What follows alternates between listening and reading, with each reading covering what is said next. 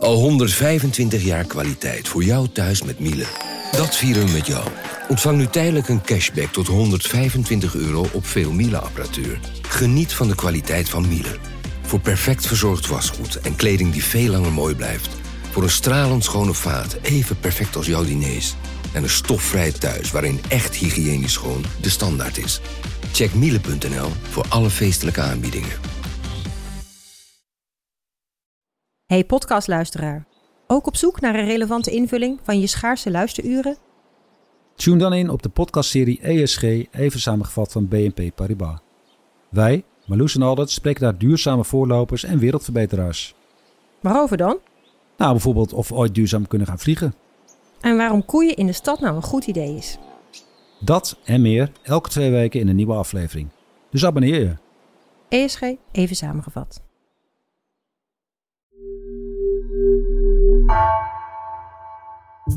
Vanaf de redactie van NRC het verhaal van vandaag. Mijn naam is Egbert Kalsen.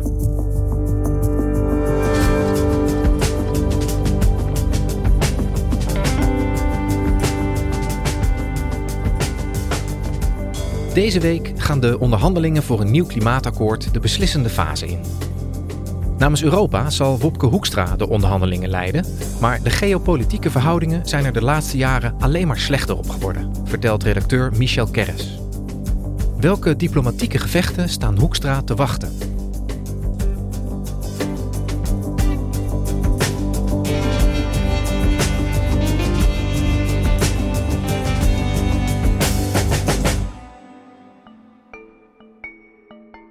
Deze week kwam Eurocommissaris voor het Klimaat Wopke Hoekstra aan bij de 28e klimaattop in Dubai.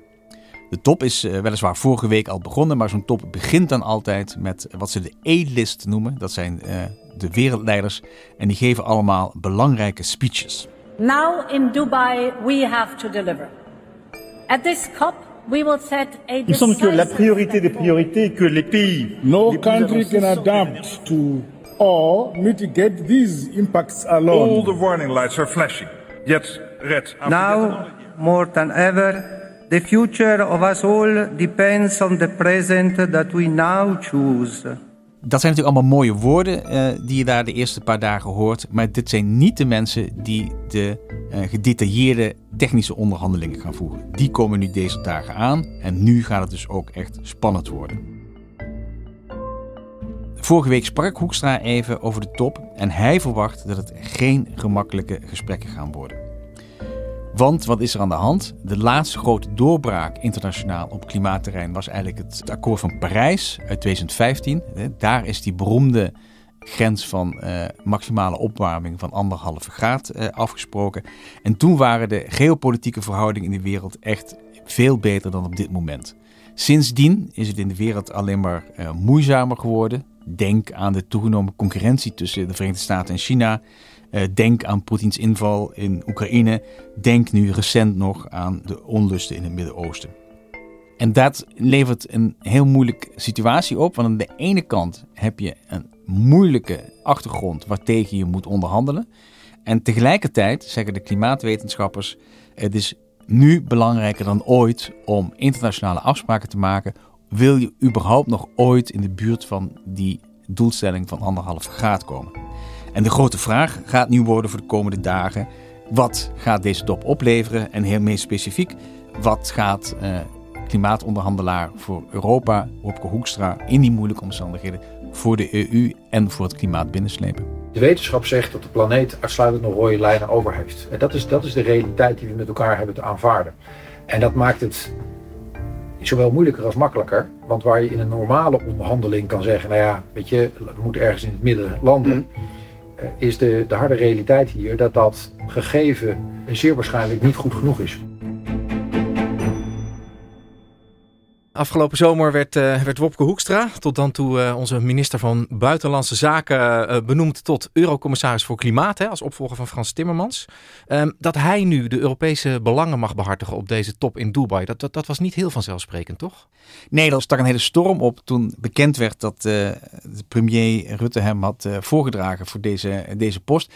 Eh, het was een combinatie van verschillende soorten van kritiek bij groene politici en bij de NGO's. Die dachten, ja maar wacht even, deze meneer Hoekstra, die hebben wij nooit kunnen betrappen op een grote liefde voor dit onderwerp. Uh, in Nederland werd nog gezegd van, ja maar wacht even, dit is de man die de stikstofdoelstellingen naar beneden wilde bijstellen. Dus dat maakte hem niet een hele, voor veel mensen, uh, een niet voor de hand liggende kandidaat. En het grappige is nu dat de, de critici, zoals bijvoorbeeld, neem uh, de Partij van de Arbeid Europarlementariër Mohammed Grahim, die was in eerste instantie heel kritisch. En ik sprak uh, Grahim nu onlangs en toen zei hij van ja, maar nu is hij aangewezen, nu is hij onze man. Grahim zei, kijk, zijn succes in Dubai is mijn succes en is ook ons aller succes, want dan komt er iets goeds uit voor het klimaat. Dus we moeten nou zorgen dat die man een succes kan zijn. Ja, dus Hoekstra die is niet zozeer zelf groener geworden, maar die is nu helemaal namens ons Eurocommissaris voor Klimaat en hij moet het gaan doen daar. Ja, precies. Hij is de man uh, waar we nu uh, afhankelijk van zijn. En hij heeft van de Europese klimaatministers ook een mandaat gekregen, een soort van opdracht, wat hij uit die onderhandelingen moet slepen. En dat uh, is een, een, grote taak en daar moet hij nou aan beginnen. Want wat, is de inzet van Hoekstra? Wat is de inzet van Europa? Wat, wat wil hij binnenslepen? Het belangrijkste is, Europa wil graag dat er uh, een einde komt aan fossiele brandstoffen. Daarnaast is een, belangrijk punt, er moet geld van rijke landen naar arme landen. Dat is al heel lang een discussiepunt. De rijke landen hebben gezegd al jaren geleden, oké, wij gaan elk jaar 100 miljard op tafel leggen op een of andere manier om ontwikkelingslanden te helpen zich voor te bereiden op die klimaattransitie. En dat bedrag werd nooit gehaald, tot groot chagrijn van de ontwikkelingslanden. En daarnaast wordt in Dubai gewerkt aan een nieuw fonds. Dat heet Loss and Damage. En dat gaat over klimaatschade. En dan moet je het zien als een verzekeringspotje. Dus je bent een arm land, er is een overstroming. Je hebt daar gewoon echt dijken weggevaagd, land ondergelopen. Dus je hebt echt hulp nodig, snel.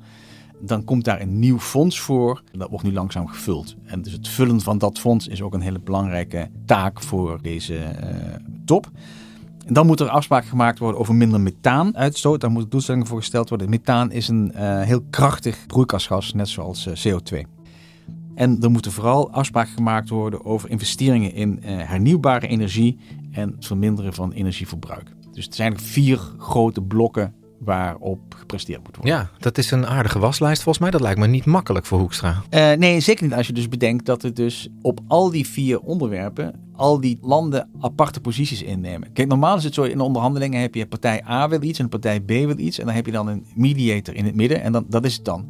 En dit heb je nu keer vier en tegelijkertijd. Dus, en dan is het ene land, is dan het ene blok een partner van je, maar bij het volgende onderhandelingsblok is het weer een tegenstander, omdat het land een ander belang heeft. Ja, de Chinezen uh, zijn wel enthousiast over renewable energy, ja. maar niet over het uitfaseren van, van kolen. Zijn ja. zelfs van plan om kolencentrales bij te bouwen, wat, wat, wat wij onverstandig vinden. Ja. De Amerikanen hebben hun eigen positie, de, de Afrikanen hebben hun eigen positie, uh, de oliestaten hebben hun eigen positie. Want die zijn dan best voor het uitfaseren van kolen, maar weer minder enthousiast over het uitfaseren van olie. Dus je hebt veel onderwerpen, veel landen met heel veel verschillende belangen. En die moeten op een of andere manier dan de komende dagen tot een slotverklaring komen. Een ongelooflijk ingewikkelde puzzel, zoals jij het beschrijft en zoals Hoekstra het zelf ook beschrijft. Kun jij ons eens meenemen hoe dat, dat geopolitieke spel er daaruit gaat zien? Misschien laten we eerst even kijken naar de hoofdrolspelers. Dat is misschien aardig. Want kijk, de Verenigde Staten sturen uh, John Kerry. I am here to try to again harness the power of fundamental physics and human ingenuity in response to a crisis. Die kennen veel mensen wel, hè? Een voormalig presidentskandidaat, een man met ontzettend veel ervaring, die ook al heel lang in deze klimaatonderhandelingen uh, een belangrijke rol speelt. Dan hebben we aan de Chinese kant komt uh, Xi Jinping. 气候变化 是全人类面临的严峻挑战。 En dat is een zeer ervaren diplomaat, die geloof ik al bijna met uh, pensioen gaat, die ook al heel lang hierin zit. En die twee personen die kennen elkaar ook heel goed.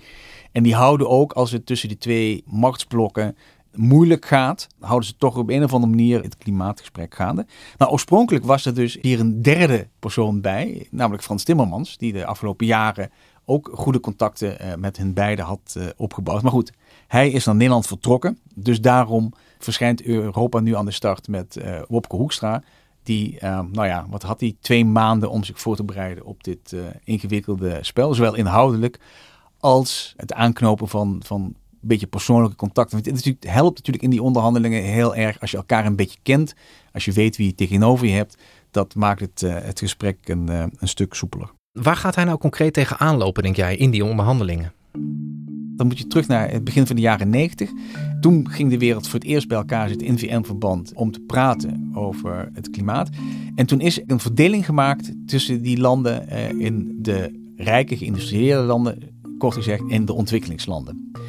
En in alle klimaatoverleg wat we sindsdien gezien hebben, krijgen natuurlijk de ontwikkelde landen een andere verantwoordelijkheid, krijgen andere eisen dan de ontwikkelingslanden. Dus ontwikkelingslanden blijven dus een beetje buitenschot, want zeiden van ah, wij hebben niet uh, voor al die CO2-uitstoot gezorgd, want wij hadden helemaal niet het materiaal om dat te doen. Dus het is jullie probleem, jullie moeten het oplossen. Sterker, jullie moeten ons ook helpen met de problemen die wij erdoor krijgen. Het vreemde is echter dat er op die lijst heel veel landen die daar staan, hebben inderdaad nog steeds vrij arm. Maar er staan ook een heel setje landen op die zich in de afgelopen decennia enorm ontwikkeld hebben. En het bijzondere is nu dat een land als China, maar ook het gastland, eh, de Verenigde Arabische Emiraten, in deze als ontwikkelingsland gelden.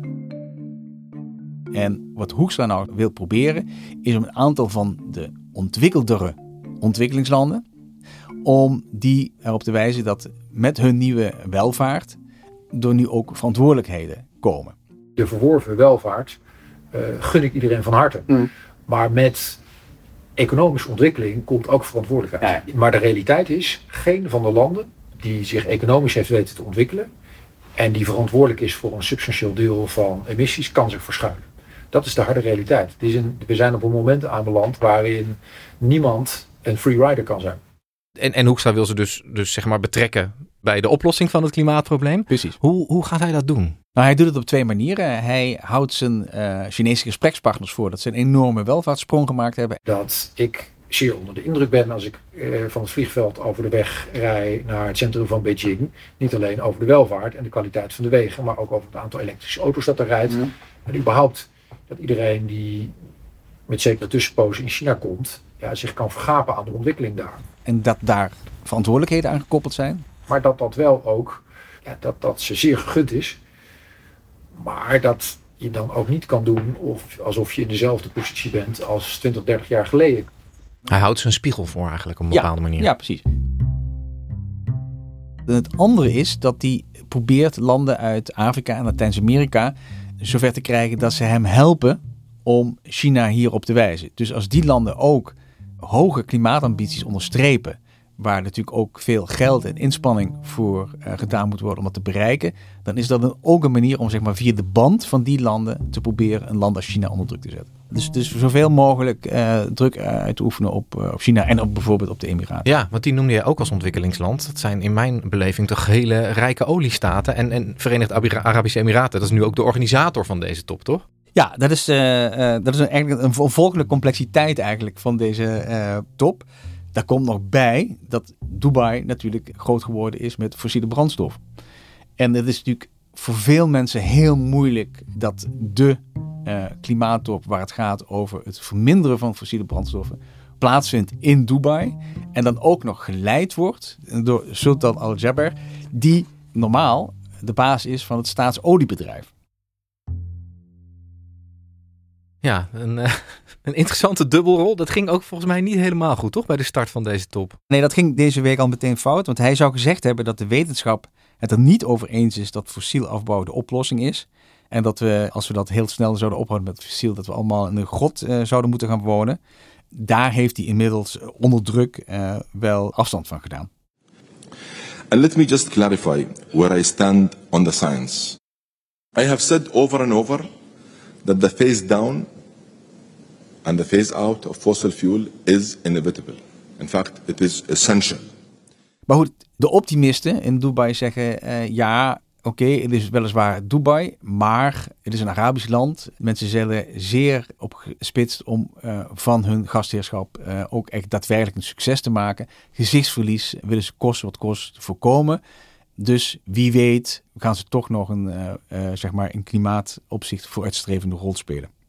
Wat ze in elk geval doen is iets wat het minste pijn doet. En dat is namelijk geld geven. dus je, je kunt natuurlijk zeggen van ik doe minder aan fossiel. Nou, dat is heel moeilijk als je daar je brood mee verdient. het is natuurlijk een stuk makkelijker om te zeggen ik heb heel veel geld en ik geef daarvan alvast voor hernieuwbare energieprojecten bijvoorbeeld.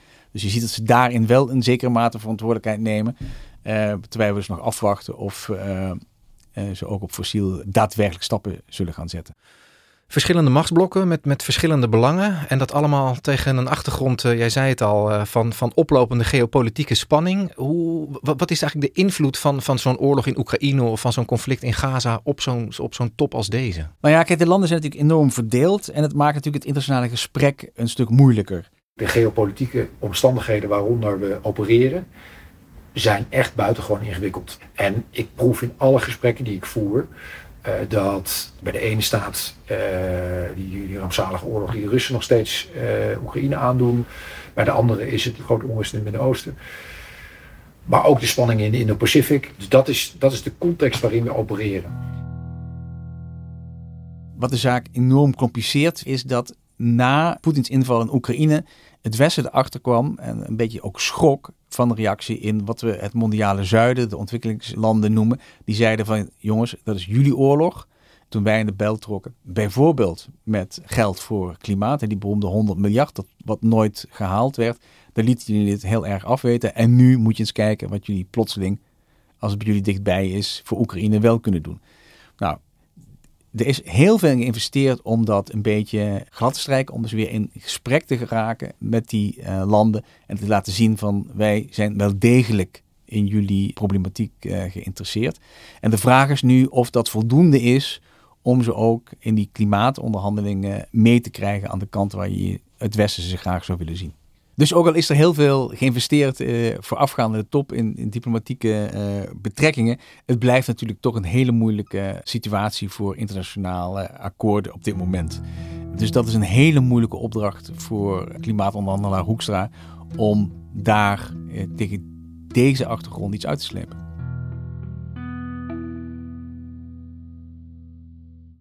En Michel, denk jij nou dat, dat tegen dat decor hè, van die gefragmenteerde wereld, zoals jij dat net schetst, dat het, dat het überhaupt mogelijk is om tot een klimaatakkoord te komen? Nou ja, goed, het wordt heel moeilijk. Wat we tot nu toe gezien hebben, is dat er uh, op een aantal, zeg maar, wat makkelijkere dossiers, namelijk uh, rijke landen geven geld, dat daar wel uh, vooruitgang in zit. Maar goed, de vraag is, gaan we nu echt iets doen aan het verminderen van fossiele brandstoffen? En daar is vooralsnog het antwoord op afwachten en kijken naar komend weekend of het gaat lukken. Ja, zit daar wel beweging in überhaupt? Ik bedoel, als je olieproducerende landen aan tafel hebt zitten, dan lijkt me dat best ingewikkeld. Ja, nog niet veel. Zoals uh, deze week uh, bleek. En daarom zei Hoekstra ook al uh, in het interview wat ik had, dat dit het aller, allerbelangrijkste onderdeel van deze kop wordt. Hey, en ten slotte, ehm, wanneer is deze top vanuit Europees perspectief en dus eigenlijk vanuit Hoekstra's perspectief gezien nou een succes? Nou ja, Hoekstra is natuurlijk op pad gegaan met vier doelstellingen. En hij zegt, je moet op alle vier die doelstellingen moet je resultaat boeken. Dus als je alleen maar bijvoorbeeld nieuwe beloftes doet voor hernieuwbare energie, maar je doet niets aan fossiel, dan is het eh, geen succes. Je moet echt op alle vier die punten met iets uh, moet je vooruitgang boeken. En dat is nog heel spannend. Dus het is eigenlijk nu het komend weekend dat het allemaal moet gaan gebeuren. Dus ik zou zeggen, let goed op dit weekend. Kijk, de lakmoesproef is natuurlijk zometeen uh, wat, wat hebben we bereikt. En eerlijk is eerlijk, daarmee de kans op succes is niet bijster groot, maar paradoxaal genoeg wel bitter noodzakelijk. Dat is de realiteit.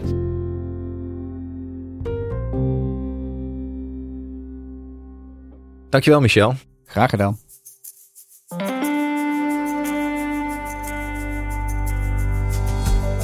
Je luisterde naar vandaag, een podcast van NRC. Eén verhaal, elke dag. Deze aflevering werd gemaakt door Ruben Pest, Lotteke Bogert en Marco Raaphorst. Coördinatie Henk Ruigrok van de Werven. Dit was vandaag. Morgen weer.